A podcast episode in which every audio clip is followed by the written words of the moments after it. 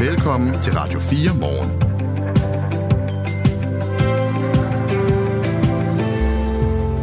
USA står lige nu i en, øh, det man godt kan kalde en mellemøstlig kattepine.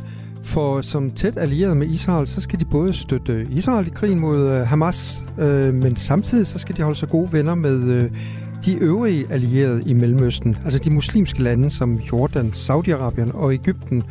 Og de fordømmer jo Israels kamphandlinger i øh, Palæstina, altså de her tre mellemøstlige lande. Så hvordan balancerer øh, USA det? Det taler vi med Sune Havbølle, øh, der er professor i globale studier ved Roskilde Universitet om lige om lidt. 60.000 mennesker, der varmer deres bolig op med et gasfyr, har skiftet varmekilde. Og det er sket efter Ruslands invasion i Ukraine og hele den der usikkerhed, der fulgte efter, både i forhold til forsyningssikkerhed og især priser selvfølgelig. Det er simpelthen hver syvende, der har smidt gasfyret ud eller sat det til salg. Helle Høj Thomsen er fra Haderslev. Hun har sat sit til salg, fordi hun skiftede til fjernvarme. Også i håbet om, at hendes hus øh, skulle blive mere værd. Fordi sidste år kom der faktisk estimater fra Dansk Ejendomsmalerforening, der viste, at huse med gasfyr var svære at slippe af med.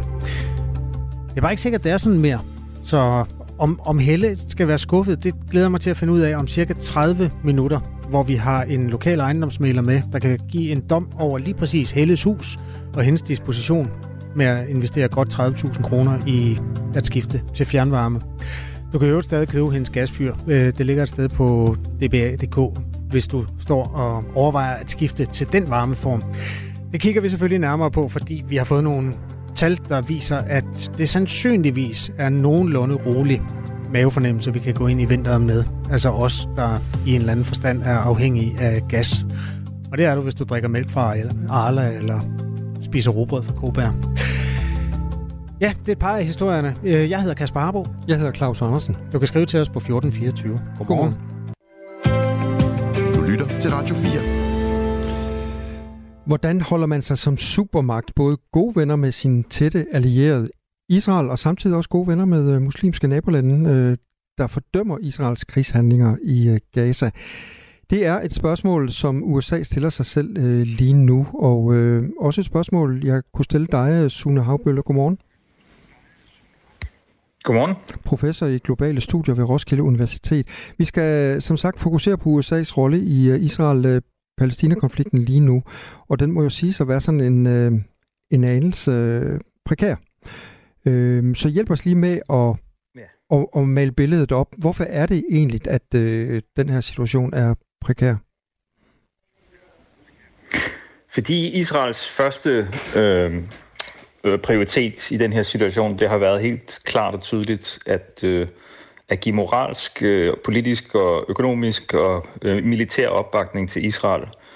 Øh, og det har man jo blandt andet gjort ved at sende øh, både Blinken og Biden over flere gange, men også ved at øh, bakke op med øh, hangarskibe ud fra Middel- Middelhavets kyst og bakke op om, om Israels linje. Øhm, så så det, har været, det har været den første prioritet, og det øh, har ført til protester fra, øh, fra de arabiske allierede, som, som I også nævner øh, som jo er, har været markante protester. Øh, blandt andet øh, nægtede øh, Jordan at møde Biden, da han var på besøg øh, en uges tid efter øh, angrebet. Øh, ligesom den, det palæstinensiske, palæstinensiske selvstyre, som jo også er en, en vigtig amerikansk allieret eller kontakt, kan man sige her. Så, øh, så det har, bølgerne har gået højt, og det har, det har været tydeligt, at den her, det her forsøg på at holde fast i de arabiske allierede, men samtidig øh, have en, en, en klar støtte til Israel, som også måske går længere end, end nogle andre landes støtte i, i verden. Den har været rigtig svær for USA. Hvis der er sprækker i øh, USA's forhold til øh, de allierede i Mellemøsten, hvordan kan vi så se det lige nu? Ja, jeg nævnte jo uh, den her afvisning uh, fra Jordans konge, som skulle have ja. været et, et møde altså mellem USA og en, og en række uh, arabiske stater.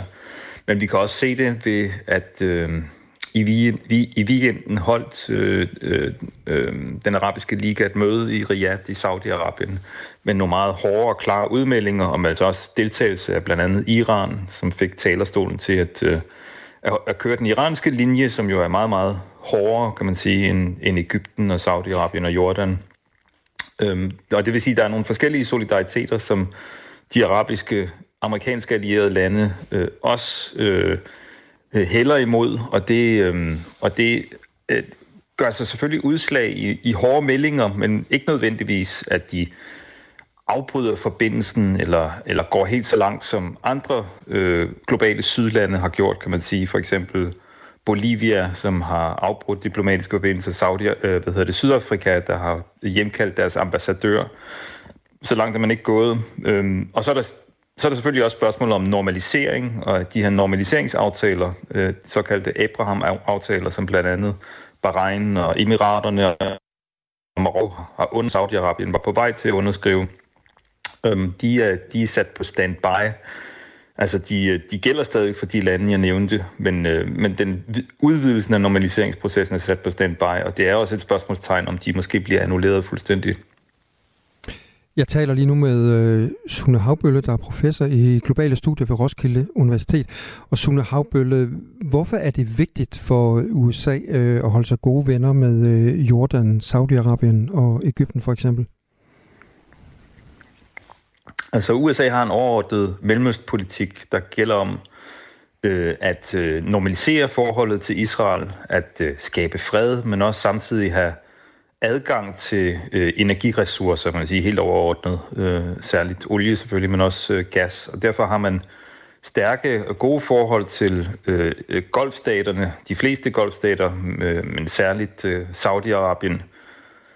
Saudi-Arabien og USA's forhold, det svinger os lidt, kan man sige, men, øh, men, men det er relativt solidt. Og i, i forsøget på at skabe normalisering med Israel, der har lande som Ægypten og Jordan været afgørende, fordi de tidligere har været i krig med, øh, med Israel, og, og man er altså kommet så langt i en slags normalisering. Det øh, har man gjort øh, ved hjælp af, af amerikansk øh, støtte til sådan en, en, en proces, og det er også en støtte, der indebærer økonomisk støtte til blandt andet det, det egyptiske militær, som er en stor amerikansk klient, kan man sige. Så der er det her netværk af arabiske lande, som er på, på den amerikanske side, og det er jo fordi, der er en anden side i Mellemøsten også, en anti-amerikansk side, som er ledt af Iran, og hvor Syrien og Hamas og Hezbollah, de er, de, de er andre vigtige brækker.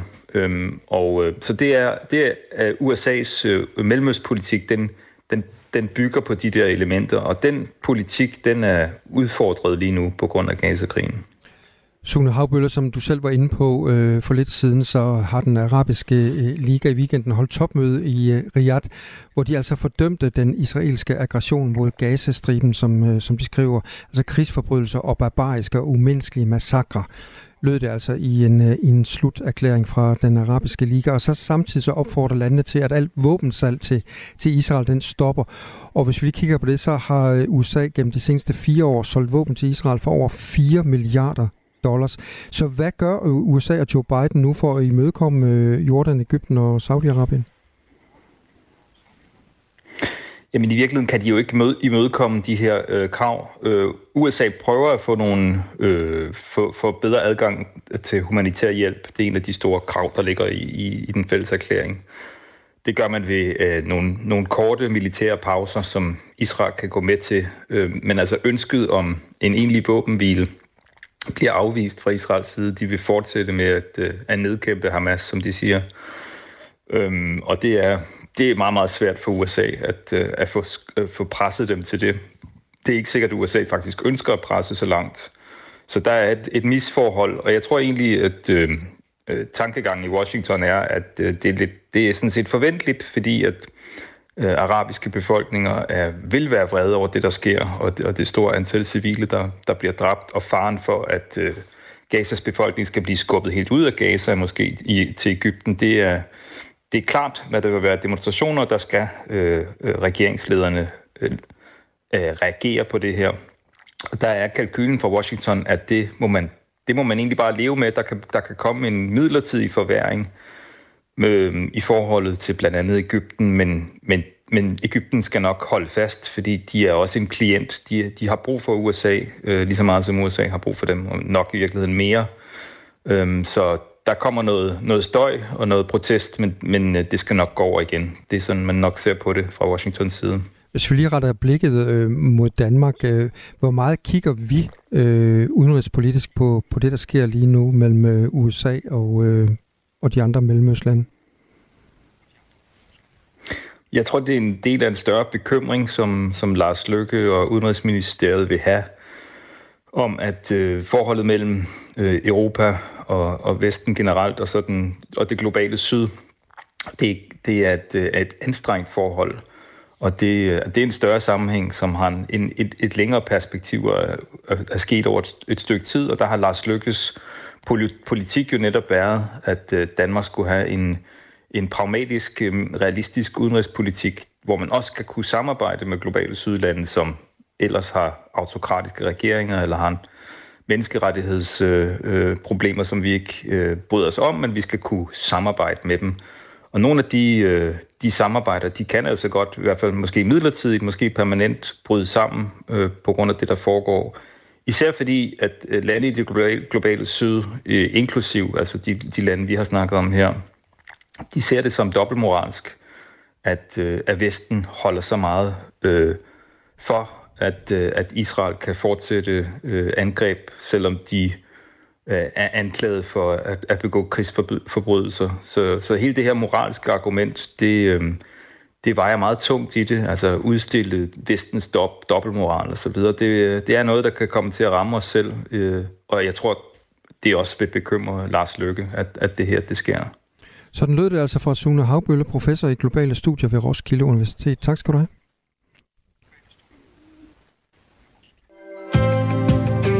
Til Radio 4. Nu skal vi lige have et stykke med sport, fordi en af Danmarks største sportsstjerner gjorde en stor figur i går. Han øh, spiller med. Ja, det er Holger Rune. En af Danmarks største tennisstjerner.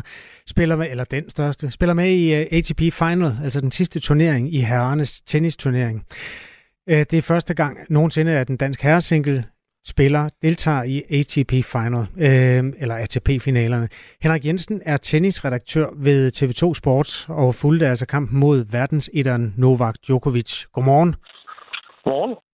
Tæt kamp, men Holger Rune tabte. Han er jo så ikke ude af turneringen for sådan et puljespil, men alligevel, øh, hvordan oplevede du hans nederlag der? Ja, først var det jo en, en fantastisk tennismatch, de leverede. De her to har jo spillet nogle frøende gode kampe mod hinanden. Blandt andet, da Holger Rune slog over Joey sidste år i en finale i, i Paris. De spillede nogle tætte kampe, nogle underholdende kampe, så, så jeg var begejstret som tennisfan, som tennisseer at se sådan en flot, flot tenniskamp. Og så er det selvfølgelig rigtig ærgerligt, at det lige er Novak Djokovic på sin rutine, på sin erfaring, som vinder de afgørende bolde, for det var uhyggeligt tæt. De spillede i over tre timer, så han var tæt på. Okay, der var ikke lige sådan matchbolde til Holger Rune, men, men det var tæt hele vejen igennem, og han spillede, synes jeg, en af sine allerbedste kampe i lang, lang tid, Holger Rune. Så er det så selvfølgelig ærgerligt, at, at det ikke var nok til at slå Novak Djokovic, men han er så altså umulig at, at besejre lige i øjeblikket. Han har ikke tabt en tenniskamp siden, uh, siden juli måned. Novak Djokovic, der også har vundet den her store sæsonfinale seks gange. Men en meget, meget flot indsats, og rigtig positivt. Holger Rune er ikke ude af turneringen, fordi der er altså heldigvis stadigvæk to gruppekampe tilbage for, for den danske tennisspiller. Øh, cifrene for de tre sæt, det var, at de skiftede til at vinde øh, med 7-6, de to herrer, og så de to øh, Novak Djokovic, altså det afgørende sæt med cifrene 6-3. Vil du sige lidt mere om den der turneringsstruktur, fordi det er jo ikke alle, der kender den så indgående? Ej, det er virkelig cremen af cremen, der mødes, når vi taler om de rigtig store tennisspillere. Det er de otte bedste i den her sæson, altså. Der har kommet Rune jo lige med på det yderste mandat som nummer 8 på den her liste, der gjorde, at han, han nøje det her fornemme selskab. Det er en, øh, en ekstremt interessant turnering. Det er med et gruppespil. Det sker jo normalt aldrig for en tennisspiller. Normalt man jo så faktisk i Højre Rones tilfælde efter det nederlag i går og sagt ciao, ciao Italia og er arrivederci til Torino. Men heldigvis har han altså to gruppekampe tilbage, og de to bedste i hver gruppe går videre til semifinaler, og så mødes de selvfølgelig vinderne af de her to semifinaler i en finale. Så det er set op, de her spillere kunne prøve en gang om året, og bare det at kvalificere sig er en imponerende stor bedrift af Holger Rune. Han formåede at være blandt de otte bedste i sæsonen, som, som er med i det her slutspil. Og så er der jo også en kontant belønning. Hvis man vinder turneringen uden at tabe en kamp, jamen så henter man altså en præmiecheck på omkring 33 millioner kroner.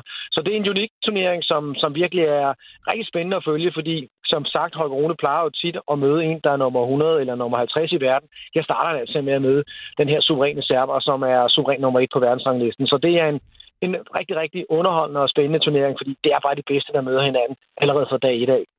Vi taler med Henrik Jensen, der er tennisredaktør øh, på TV2 Sport.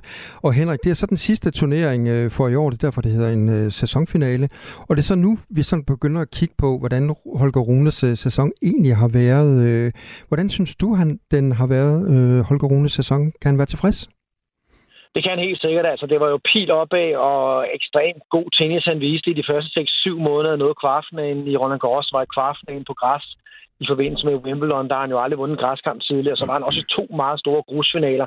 Så alt var jo super godt for Rune indtil der, Og ja, sådan midt i juli måned, så havde han tre forfærdelige måneder, hvor han tabte kampe hele tiden, problemer med ryggen, uro på trænerfronten, hvor jeg der var nervøs ved, om, om det vil give ham et gevaldigt knæk. Men det er jo altså i hvert fald, synes jeg, godt kan sige med de to turneringer, han har spillet, også med en kamp, han godt nok tabte i går, at det øh, er en Holger Rune i fremgang, som virkelig får en fin afslutning på sæsonen. Han kommer ikke til at vinde lige så store titler, som han gjorde sidste år, men jeg synes, man kan være rigtig positiv med de chancer, der er for, for at han vinder turneringssejre, store turneringssejre i 2024, fordi det her han lært rigtig meget af den voldsomme krise, han var i. Der var næsten tre måneder, hvor han ikke vandt en tenniskamp. Det, det har gjort ondt på, på psyken, og selvfølgelig gjort også rigtig ondt i ryggen. Får han styr på den ryg, og det ser sådan ud lige i øjeblikket, så forventer jeg virkelig, at han får et rigtig godt afsæt, selvom han ikke måske vinder sæsonfinalen i Torino. Jeg tror, han får rigtig godt afsæt til, til turneringsstarten i januar måned, hvor de jo allerede spiller en, en stor Grand Slam-turnering, Australian Open. Nej, måske vinder han ikke den her turnering, men du var inde på det lige før. Der er jo to øh, skud i bøssen tilbage, altså to kampe, hvor store er øh, chancerne for, at han rent faktisk kommer videre øh, til semifinalen i den her turnering? Altså, alt taler for, at han skal vinde de her to kampe. Jeg synes, han har en god mulighed mod grækeren Stefan Tsitsipas, der tabte til Jannik Sinner i går, og så bliver det nok en nøglekamp. Altså, han skal nok slå Jannik Senner, og han har været meget, meget stærk, har vundet et par store turneringstitler. Og så har han altså hele Forza Italia i ryggen, er på hjemmebane Torino i går, hvor der er sådan en elektrisk tifosi fodboldstemning, da han vandt sin første kamp. Så det bliver en enorm svær dyst. Og så ved han jo også, Holger han skal altså vinde de her to kampe, ellers er det næsten umuligt at komme videre til, til semifinalerne. Så selvfølgelig ser det svært ud. Jeg håber, han har tanket en masse god selvtillid over på den forrige flotte tenniskamp, han spillede med Novak Djokovic. Og så har han heldigvis en hviledag i dag, før han, han spiller sin kamp nummer to i morgen. Sådan lød det fra Henrik Jensen, tennisredaktør på TV2 Sport. Godmorgen. Godmorgen. Det her er Radio 4 morgen. Husk, at du kan sende os en sms på 1424. Danske unge har slået rekord. Måske ikke den fedeste rekord i verden. Sidste år øh, blev der sat rekord i klamydia-tilfælde, viser tal fra Statens Serum Institut. Det er Sex og Samfund, der har udgivet en ny rapport, der sætter fokus på det her. Den politiske chef på de kanter hedder Maria Lindhardt og er med os nu. Godmorgen.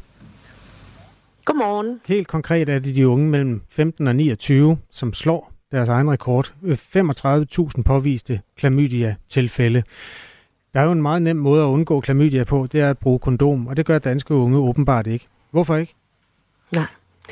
Jamen, øh, det er der sådan set flere årsager til, men en af, en af de, de øh, markante årsager er jo, at unge jo ikke beskytter sig øh, på, for at undgå en sexsygdom. De, de øh, beskytter sig for at undgå at blive øh, forældre for tidligt.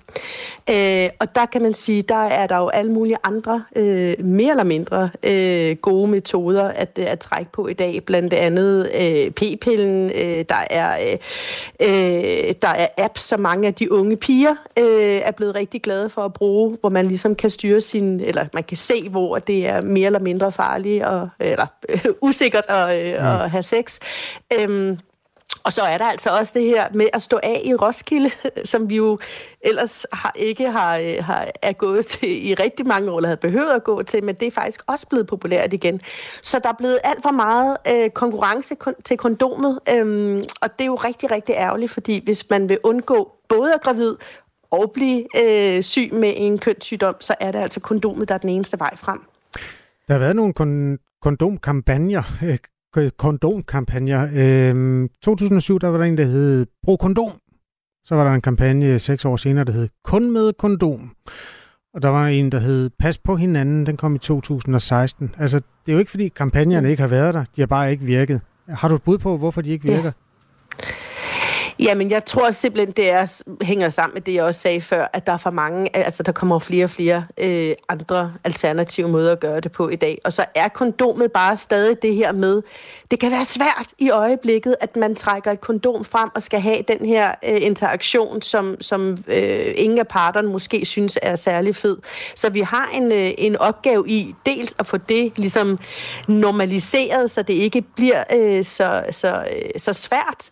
Øh, og så skal unge generelt have mere viden om, hvad, hvad kønssygdomme, hvad klamydia er, hvordan det smitter, og hvor farligt det rent faktisk kan være. Mm. Og at kondomet ligesom er den eneste garant for, at man ikke øh, ender med en, øh, en kønssygdom. De første kondomkampagner, jeg mødte i mine unge år, det var dengang HIV var en ny sygdom, som ikke mm. kunne kureres, og folk døde i håbetal, øh, og nogen var bare meget, meget, meget syge. Altså, det var virkelig sådan en sort skygge, der løb igennem øh, tilgangen ja. til sex for, for os nye generationer dengang. Trænger vi til en kønssygdom, der er endnu farligere, sådan at øh, de unge kan få øjnene op for det? Nej, det synes jeg bestemt ikke, vi trænger til. Det tror jeg ikke, der er nogen, der trænger til. Men jeg kan også godt huske Oda og Ole, som jeg tror er yes. den, du refererer til. Fuldstændig. Øh, og, øh, ja, og øh, det var en, øh, den virkede jo. Øh, og jeg tror, det er et spørgsmål om, at vi skal kigge nationalt, hvordan er det, vi får lavet en en super stærk øh, kampagne igen, øh, og få kondomet øh, gjort stort igen, så at sige.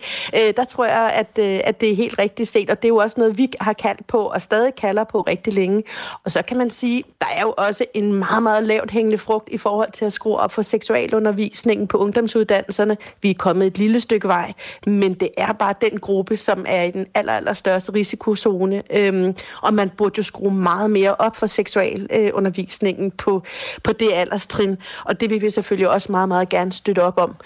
Ja, man kan faktisk købe det inde hos Sex og Samfund, skal vi lige sige. Der er sådan et forretningsaspekt i det her også. Men det, det, nu, det... det er selvfølgelig rigtigt, ja. men, men, men også hos alle mulige andre. Vi er bestemt ikke de, de eneste, som uh, producerer rigtig, rigtig gode uh, materialer på seksualundervisning. Så det vi sådan set er mest interesseret i, det er, at der kommer mere fokus på området.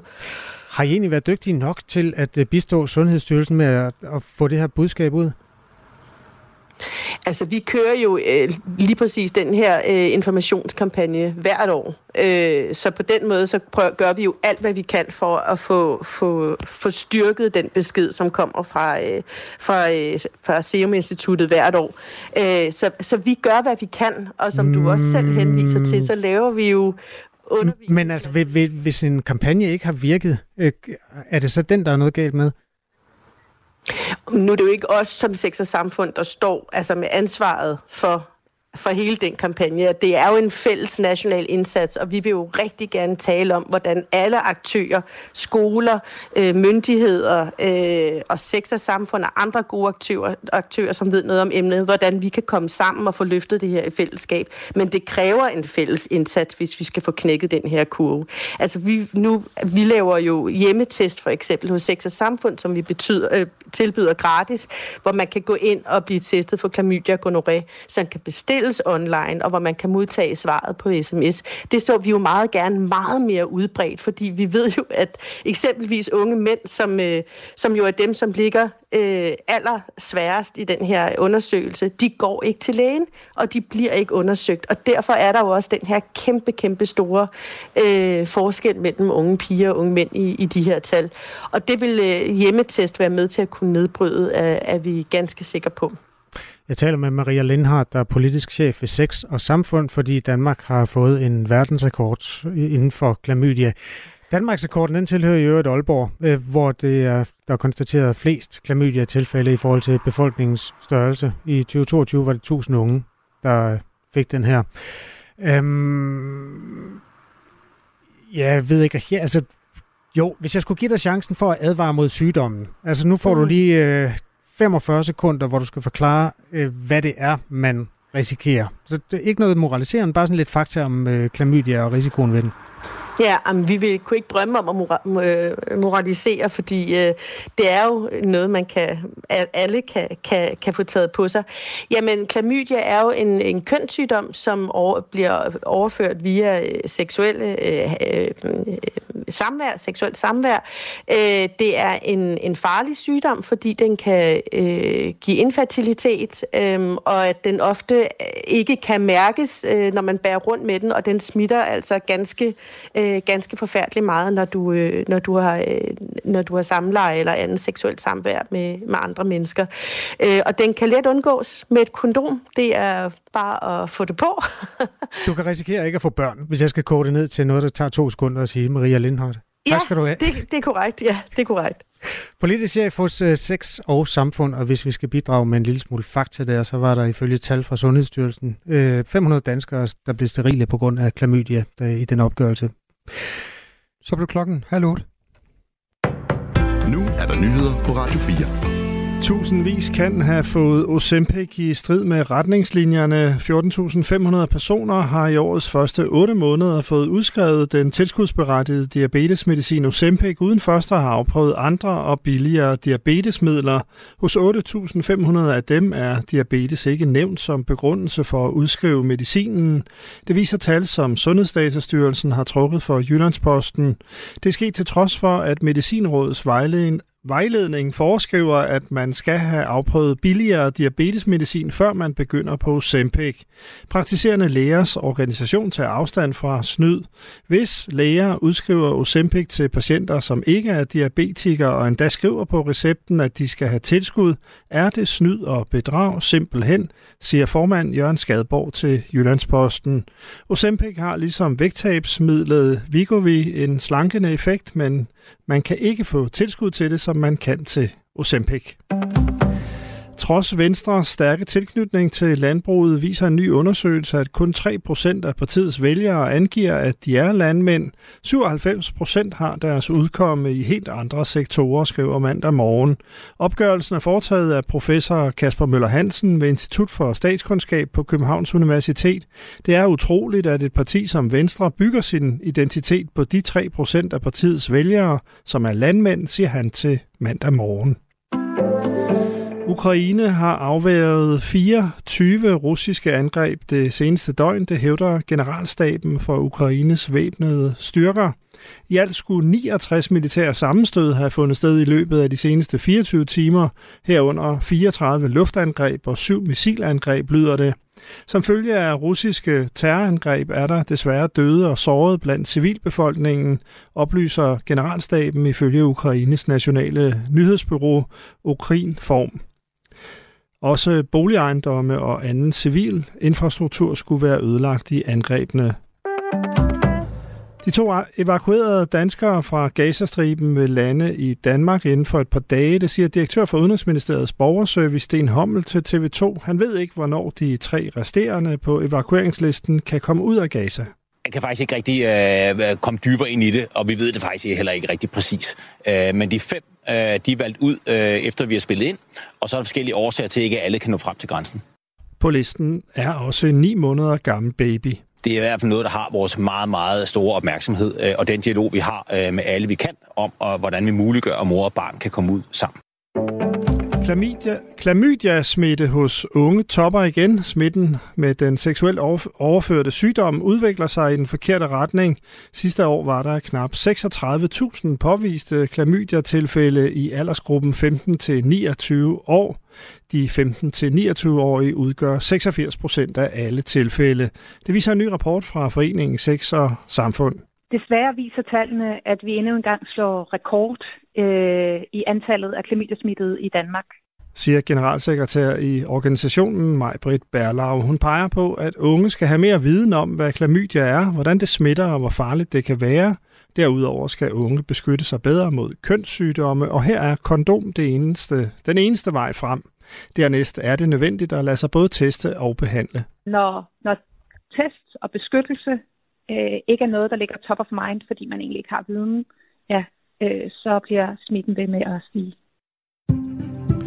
Mest skyde, men også lidt sol og enkelte byer, 5-8 grader og svag til jævn vind fra øst. Det her er Radio 4 morgen. Husk, at du kan sende os en sms på 1424. Sidste års gaskrise og frygten for, at varmepriserne vil flyve fuldstændig til himmels, har fået mere end hver syvende boligejer til at skifte gasfyret ud. De fleste husker nok tiden efter Ruslands invasion i Ukraine, hvor naturgas gik fra at være den billigste varmekilde til den dyreste. Det betød også, at det i en periode var svært at sælge huset eller lejligheder, der var opvarmet med gas. Det satte fuld fart på udskiftningen af de her gasfyr, og nu skal vi faktisk tjekke ind hos en af dem, der har skiftet til fjernvarme. Og måske lidt senere også finde ud af, om det var en god idé at øh, lave den investering.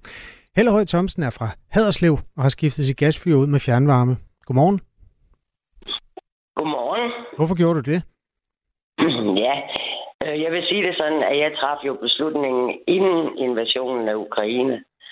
Øh, det var på baggrund af, at Haderslev Fjernvarme kom med et tilbud om en udvidelse, hvor jeg tænkte, det er nok klogt at stige på, og det var sådan set udelukkende af hensyn til husets værdi, må jeg sige. Fordi der har ligesom været en trend imod gas et eller andet sted. Ja, og den blev kun stærkere efter Ukraines øh, eller Ruslands invasion. Øhm, og vi har en ejendomsmaler med, der kan fortælle om dit hus er stedet. Øh, og vi skal sige til folk, der tænker, se, så har Helle måske et dejligt gasfyr til salg. Ja, det har hun faktisk. Øh, men, ja, det har hun. Ja, det var sådan, vi fandt dig nemlig. Men øh, Helle Høj Thomsen, altså, hvad, hvad kostede det for dig at komme væk fra det gasfyr der, og så over på fjernvarmenettet? Jamen, det kostede mig gasfyr, som et boss, der har været rigtig dyrt. Men, men igen, det var fordi, at Haderslev Fjernvarme øh, kom med et tilbud om at komme på, når de graver alligevel, hvor det sådan set koster mig ret meget at komme på og øh, hvor jeg leger fjernvarme uniten for 220 kroner eller et eller andet i den stil. Kan du ikke lave sådan et tal med to streger under? Altså, hvad har det kostet dig at gå fra gas til fjernvarme?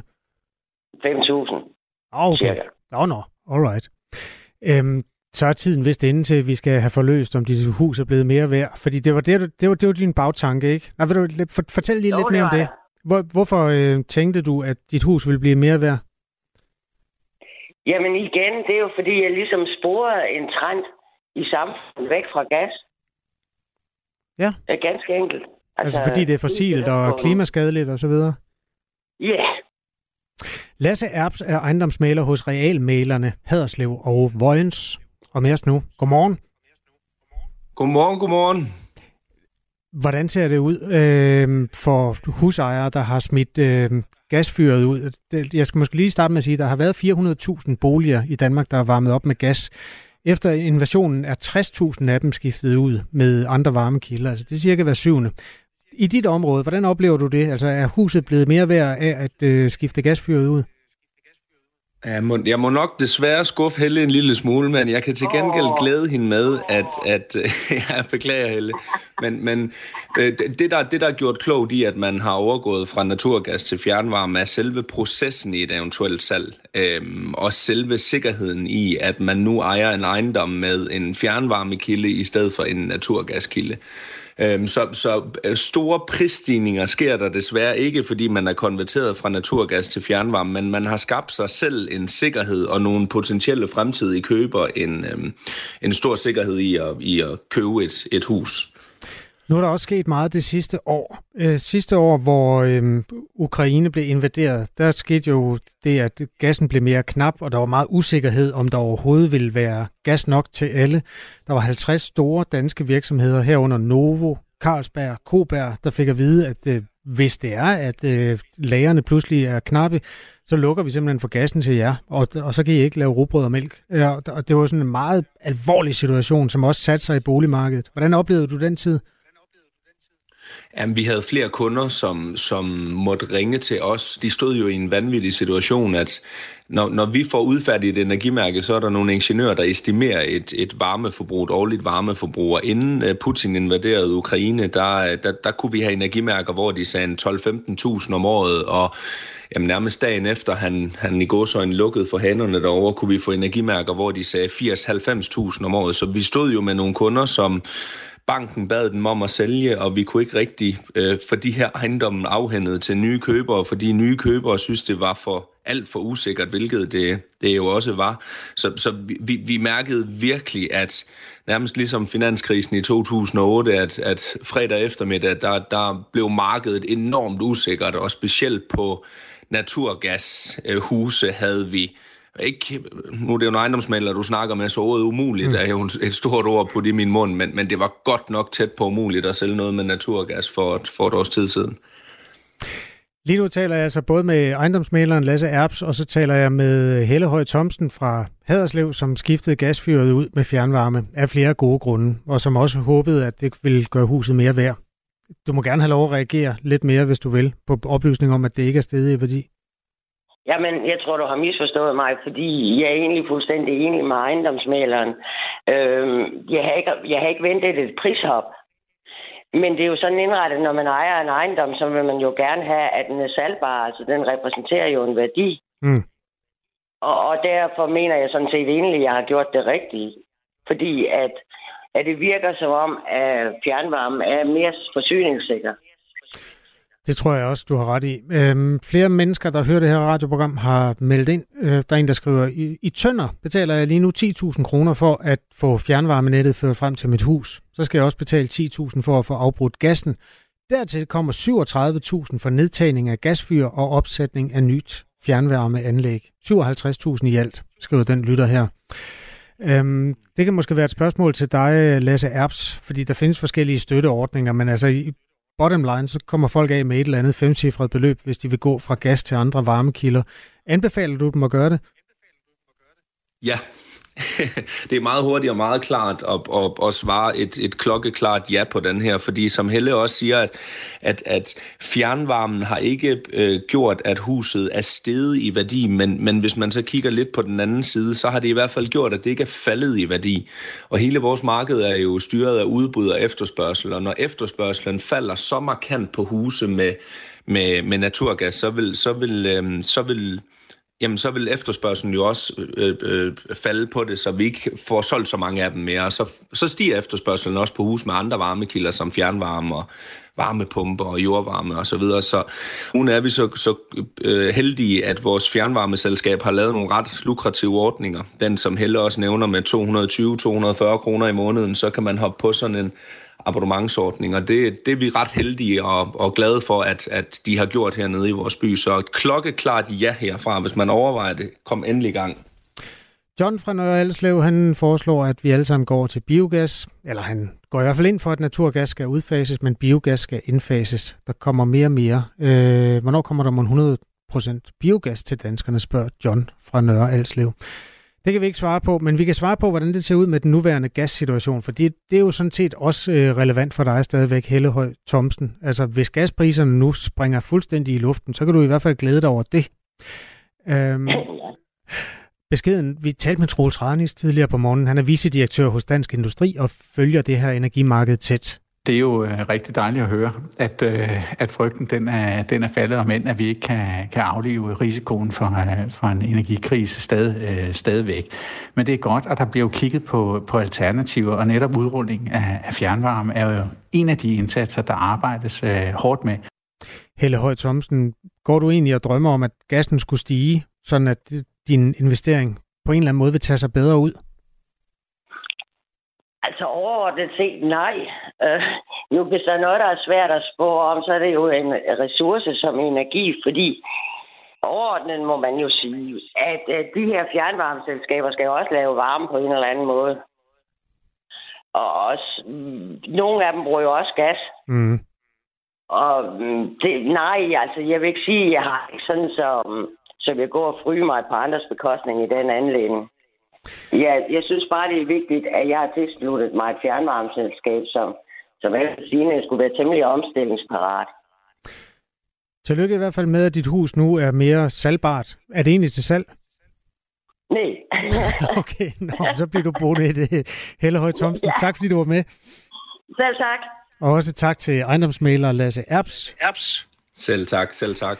Og jeg skal sige, at øh, Hellehøj Thomsens varme, eller gasfyr, det er fra 2016 og stadig til salg.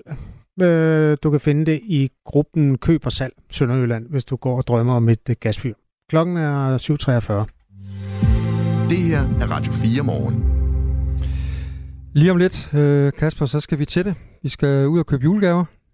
Ja, øh, nu, altså i dag. Nej, altså Hvad har vi i dag, den 13. november? Vi skal lige igennem Black Friday, det ved jeg godt. Ja. Men øh, så begynder det store gaveræs frem mod juleaften, og tusindvis af danskere, de skal ud og, og sikre sig, at der ligger masser af gode pakker under, under træet. Ja, millioner af danskere faktisk. Ja. Øh, men sidste år, der skete der noget nyt. Der købte 22 procent af os danskere en eller flere julegaver brugt. Og en undersøgelse fra 21, den viste, at 52 øh, procent af danskerne, de kunne finde på at købe brugte gaver det år. Altså, de tilkendegav, at det kunne da godt være, at de ville købe en øh, brugt julegave.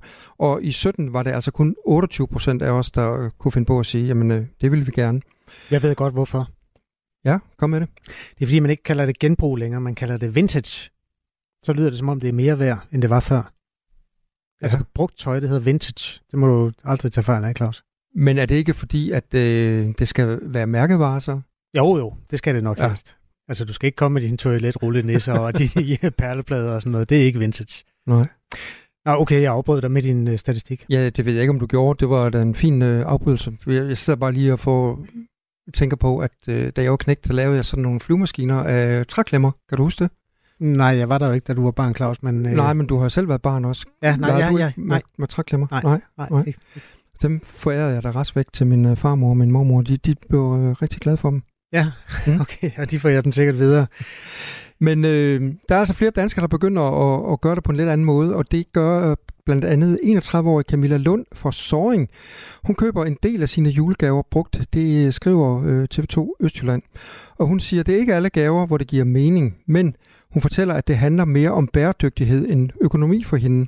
Og hun siger til TV2 Østjylland, der er ikke nogen grund til at købe nyt, når det er produceret én gang, og det kan hun selvfølgelig øh, have ret i. Hvad ønsker du dig i julegave?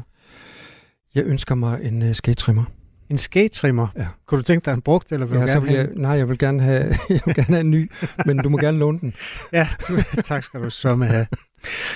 Godt. Øh... I øvrigt, øh, ja. jeg laver lige en lille krølle på det her, for du sagde, at vi skulle bruge rigtig mange penge, for vi bruger faktisk øh, næsten 9 milliarder kroner på julegaver. Hver? Ja, hver. Klokken er 14 minutter i 8. Du har fået til job at synge kor for ABBA. Jeg, jeg var ikke simpelthen ikke klar over, det var sindssygt det egentlig var. Det var jeg jo ikke. Jeg var jo bare ni år og glad i låget. Musik er en hurtig genvej ind bag facaden. Jeg følte jo, at alle de sange var til mig. Ind bag den offentlige person. Jeg kiggede ind i et mørke. Det er jo der, jeg skal hen. Det er jo der, alt trøst er. I Portrætalbum bruger Anders Bøtter musikken til at vise nye sider af sine gæster. Carmen Køllers uh, Axel Byvang, har han en playlist? Jeg ved ikke, hvad jeg skal sige det. Det er så pinligt. Blandt andet Backstreet Boys. Lyt til Portrætalbum i Radio 4's app, eller der, hvor du lytter til podcast. Radio 4. Hold kæft, mand. Det tror Ulla Terkelsen ikke, det der. Ikke så forudsigeligt. I maj blev Danmark ramt af de største cyberangreb nogensinde. Det skriver øh, Danmarks Radio på baggrund af en rapport fra IT-virksomheden SectorCert. Et omfattende angreb ramte 22 virksomheder, som arbejder med kritisk infrastruktur. Peter Kruse er ekspert og Chief Information Security Officer, og det er han hos Clever. Og øh, Peter Kruse, øh, hvem er det, der angriber os lige nu? Jamen altså, først så skal man jo øh, se øh, historien udfolde sig i form af, at man har gået ud med den her rapport for at dele øh, informationer omkring, hvad der er sket øh, tilbage i maj. Mere præcis den 11. maj.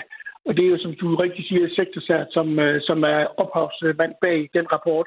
Men, øh, men, men det, man skal vide forud for det, det er jo, at den sårbarhed, som er blevet misbrugt af de her hacker til at trænge ind i hvert fald 16 systemer, som er det, man kalder kritisk infrastruktur, altså leverings, eller det, man sådan kalder vand- eller el-selskaber. Øh, det er dem, der er blevet ramt af en, af en sårbarhed, som ligger i noget, noget udstyr, som man egentlig ikke burde bruge i kritisk infrastruktur. Så, så hvem der står bag, er, er lidt svært at sige. Øh, de peger selv på i rapporten, at det er nogle russiske øh, statsaktører, som hedder Sandworm, men, men i virkeligheden så kan det være rigtig mange aktører, for den sårbarhed, der er blevet udnyttet i det her udstyr, er faktisk en sårbarhed, der har været kendt tre uger inden, at angrebet fandt sted den 11. maj. Så der kan være flere aktører i spil, og det kan være vanskeligt at sige præcis, hvem det er, der har stået, stået bag øh, konkret, det konkrete angreb. Men ved vi øh, mere om, øh, hvilke virksomheder, der er blevet ramt? Vi ved, at, at dem, som er ramt, er mindre forsyningsvirksomheder, det vil sige at dem, som er en del af, af det samme, kan man sige, sammenslutning, som vi kalder øh, sektorsært, som jo er en computer emergency response team, og som er en del af det større skal vi sige, beredskab inden for kritisk infrastruktur.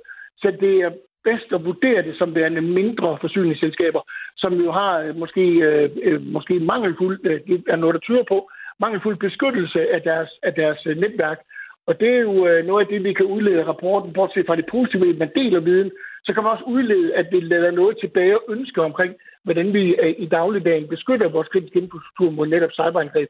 Fordi det her, det kunne reelt have gået meget, meget værre. Ja, hvad er det præcis, der sker, når de her øh, mindre forsyningsvirksomheder de bliver, de bliver ramt af et øh, cyberangreb?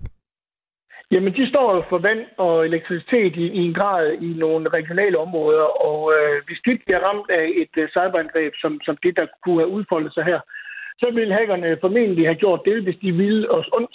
Og det kunne godt have været, hvis det var russiske aktører, så ville vi have gået ind og, og, og, og slukket simpelthen for enten vandet eller, eller, eller det el, som er i det regionale område. Og det kan jo nemt påvirke de tusindvis af mennesker.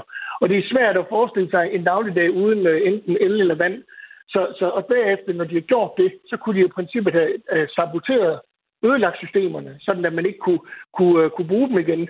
Og når man nu taler el og vand, så taler man ikke ligesom man gjorde måske i gamle dage med sådan noget håndsving. Altså det, der bruger man jo, der bruger man jo øh, uh, IT-systemer, og, og hvis IT-systemer bliver ødelagt, og man ikke, øh, kan man sige, har, har forberedt på, at det kan ske, så kan der jo gå øh, potentielt dage, før at man kommer op og kan levere øh, den her ydelse igen. Og når det er el så kan det være yderst kritisk for vores infrastruktur. Og det er også derfor, at den her, øh, kan man sige, både el og vand forsyning er en del af vores kritiske infrastruktur i Danmark.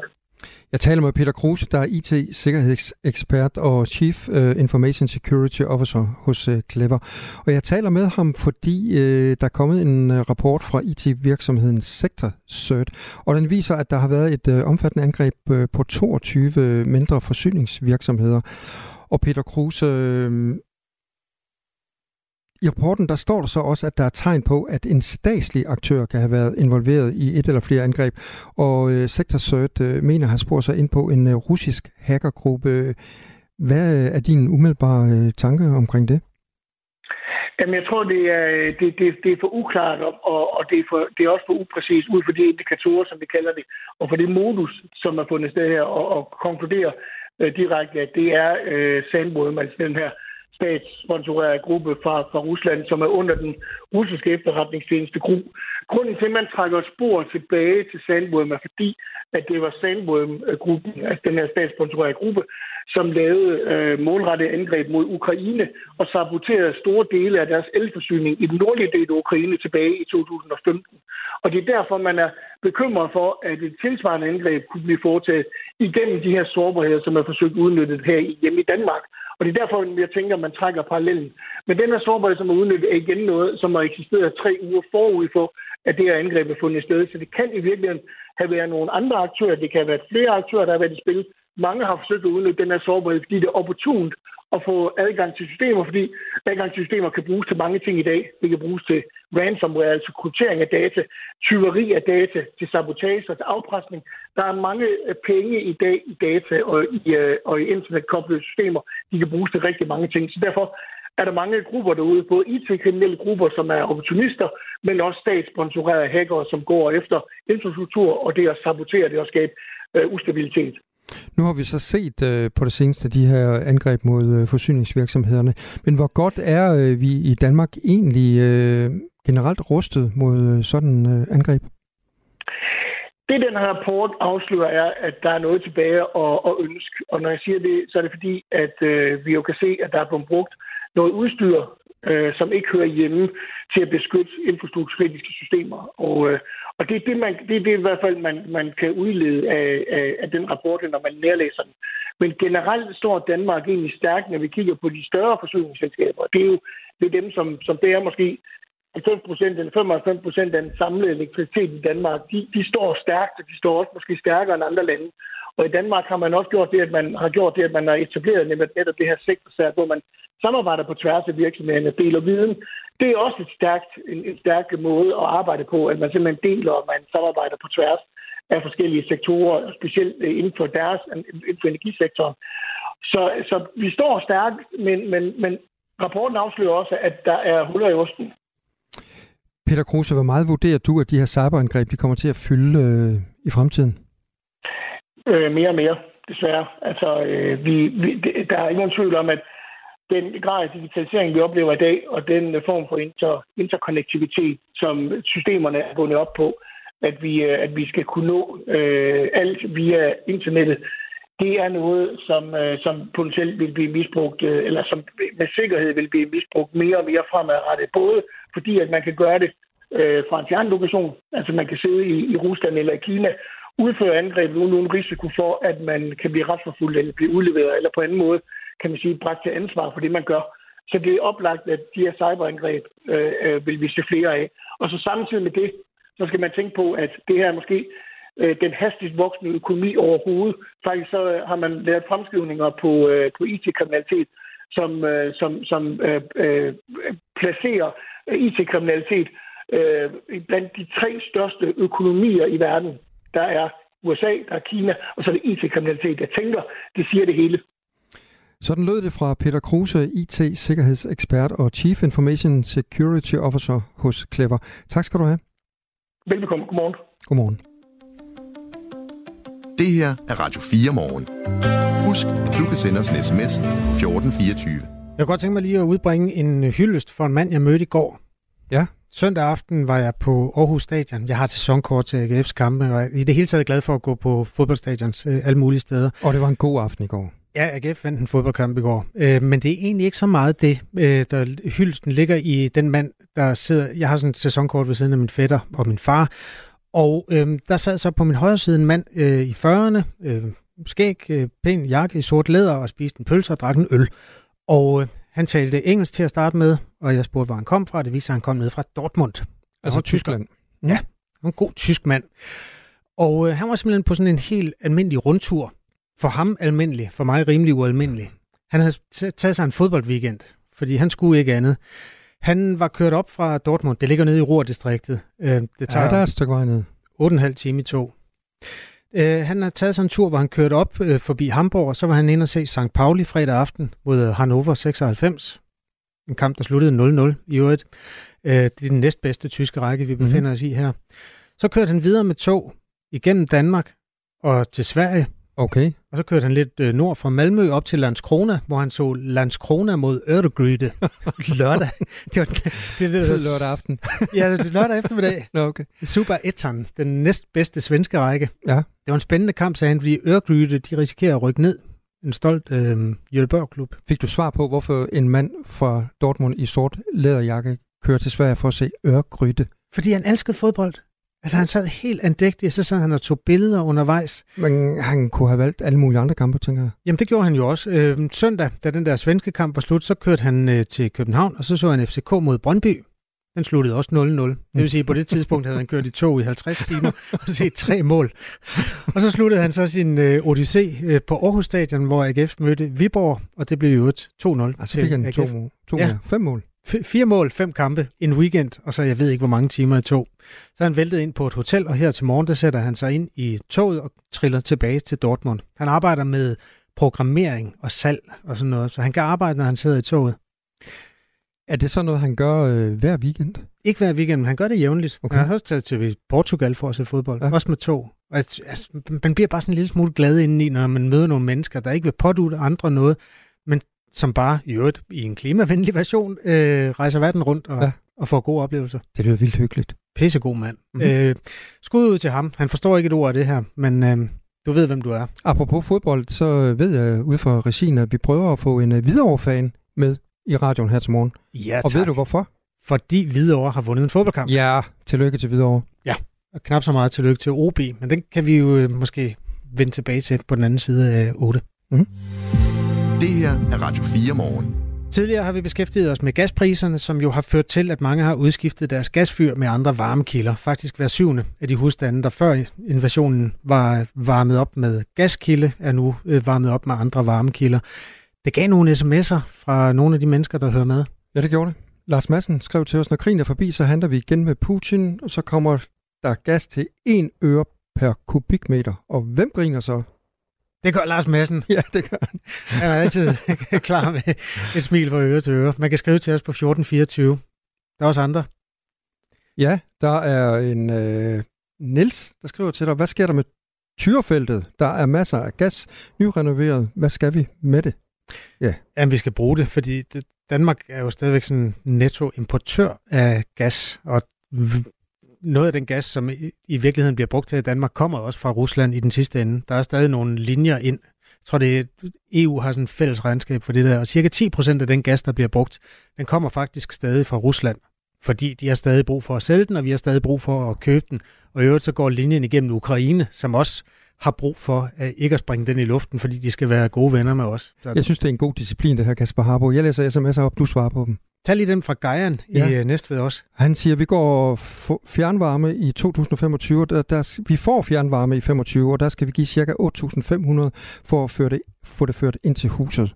Jeg bliver nødt til at rette dig, der står 85.000. Der står 85.000, ja, okay. Jeg tænkte, det var ikke ret mange penge, men det er det jo så alligevel. 85.000, det er da en slat. Det er en kæmpe investering, som en hel masse mennesker har kastet sig ud i, og det er derfor, vi også prøver at belyse det her i Radio 4 morgen i vores dækning af nyhederne, sådan en mandag. Klokken er 8. Du har lyttet til en podcast fra Radio 4. Find flere episoder i vores app, eller der, hvor du lytter til podcast. Radio 4. Ikke så forudsigeligt.